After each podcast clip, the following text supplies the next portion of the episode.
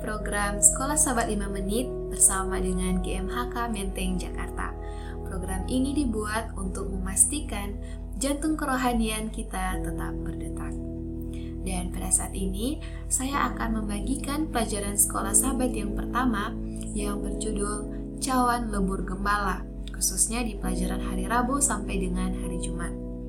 Saya akan membagikan pelajaran apa yang saya dapatkan dan saudara-saudara mungkin bisa lebih mendalami lagi mengenai pelajaran ini. Di dalam pelajaran hari Rabu yang berjudul Jalan Memutar Tak Terduga Dua, Meja yang Dikelilingi.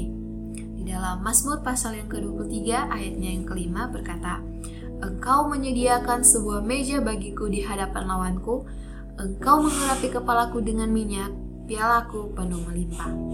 Saudara-saudara yang terkasih di dalam Tuhan, di dalam kehidupan kita, kita pasti akan dipertemukan dengan orang-orang yang biasa disebut musuh atau mungkin orang-orang yang membuat kita sakit hati, membuat kita kecewa, membuat kita marah, bahkan membuat kita benci terhadap orang itu.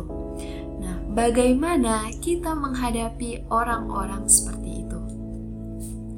Sebagian orang bahkan sampai terjaga di malam hari, tidak bisa tidur hanya karena memikirkan bagaimana agar saya dapat membalas dendam kepada orang itu. Bagaimana agar orang itu merasakan apa yang saya rasakan. Tetapi saudara-saudara di dalam pelajaran hari Rabu ini, Daud memberikan satu cara yang menarik bagaimana menghadapi orang-orang seperti itu. Di dalam Mazmur pasal yang ke-23 ayat yang kelima, Daud hanya memfokuskan dirinya kepada Tuhan. Dia tidak memfokuskan dirinya kepada musuh. Dia hanya fokus kepada Tuhan. Bahkan di dalam Mazmur pasal yang ke-23 ayat yang kelima, di mana Allah di sana menyiapkan perjamuan untuknya. Di dalam budaya Daud, Ketika seorang tamu terhormat datang, maka tuan rumah ini akan meminyaki kepala tamu itu dengan minyak. Dan minyak itu adalah campuran minyak zaitun dan parfum. Dan kemudian tamu itu akan duduk di depan makanan yang jauh lebih banyak daripada yang biasa dimakan orang. Yang artinya tamu ini diperlakukan dengan suatu cara istimewa. Dan itulah yang Daud pegang Daud hanya melihat kepada Tuhan dan Daud hanya melihat kepada berkat-berkat Tuhan yang Tuhan sediakan bagi dia. Dia tidak fokus kepada musuh-musuhnya, dia hanya fokus kepada Tuhan. Dan begitu juga dengan kita. Ketika kita diperhadapkan dengan orang-orang yang seperti itu, kita harus memfokuskan diri kita kepada Tuhan. Kita lihat berkat-berkat Tuhan dalam kehidupan kita. Karena ketika kita hanya fokus kepada Tuhan, kita fokus kepada berkat Tuhan, kita akan merasakan suatu sukacita yang luar biasa dari Tuhan.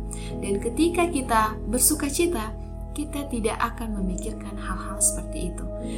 Tidak akan timbul rasa kebencian dalam diri kita. Dan itu tidak membuat kita jatuh. Jadi saudara-saudara, ketika kita diperhadapkan dengan orang-orang seperti itu, yang kita lakukan hanyalah fokus kepada Tuhan, fokus kepada berkat Tuhan, karena Tuhan telah menyediakan berkat-berkat yang luar biasa bagi kita. Dan selanjutnya di pelajaran hari Kamis, janji yang pasti untuk perjalanan. Saudara-saudara, kadang di dalam kehidupan kita, ketika suatu masalah datang, kita terlalu berlarut-larut dalam masalah itu karena kita berlarut-larut dalam masalah itu membuat kita down dan bahkan mungkin membuat kita berpikir Tuhan telah meninggalkan saya. Kalau Tuhan ada, saya tidak akan mungkin berada di posisi seperti ini. Tapi kita kembali lagi kepada Daud. Suatu pelajaran yang Daud berikan kepada kita, Daud tidak melihat seperti itu. Dia tidak memiliki pandangan seperti itu.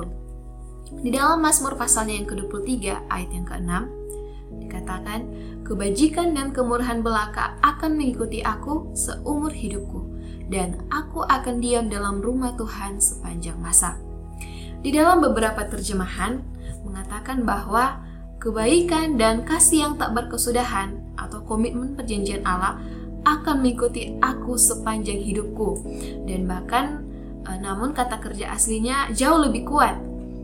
Di mana terus dikatakan ayat tersebut seharusnya berbunyi bahwa kebaikan dan kasih yang tak putus-putusnya akan mengejar aku sepanjang hari dalam hidupku. Jadi saudara-saudara yang terkasih dalam Tuhan, di dalam kehidupan kita, tidak peduli seberapa berat pergumulan kita, tidak peduli seberapa besar masalah yang kita hadapi, kepastian, kebaikan Allah dan kasih yang tak putus-putus dari Allah akan Allah berikan kepada kita. Suatu janji yang luar biasa yang menjadi pegangan dalam kehidupan kita bahwa Tuhan tidak pernah meninggalkan kita. Jadi di dalam kehidupan kita ketika kita menghadapi suatu pergumulan yang mungkin sangat berat, menghadapi suatu masalah dalam kehidupan kita, kita harus pegang satu janji Tuhan di mana Tuhan tidak pernah akan meninggalkan kita. Tuhan tidak pernah akan membiarkan kita. Tuhan akan selalu ada dan berkat-berkat Tuhan akan selalu ada di dalam hari-hari kehidupan kita. Di dalam pelajaran hari Jumat, di bagian yang kedua dikatakan, "Tetapi jikalau engkau selalu menengadah ke atas dan tidak memandang akan segala kesusahanmu, engkau nanti tidak akan menjadi cemas di tengah perjalanan." Dan dengan segera engkau nanti melihat Yesus mengulurkan tangannya menolong engkau. Dan engkau hanya perlu meletakkan tanganmu di dalam tangannya dengan penuh kepercayaan dan biarkan dia memimpin engkau.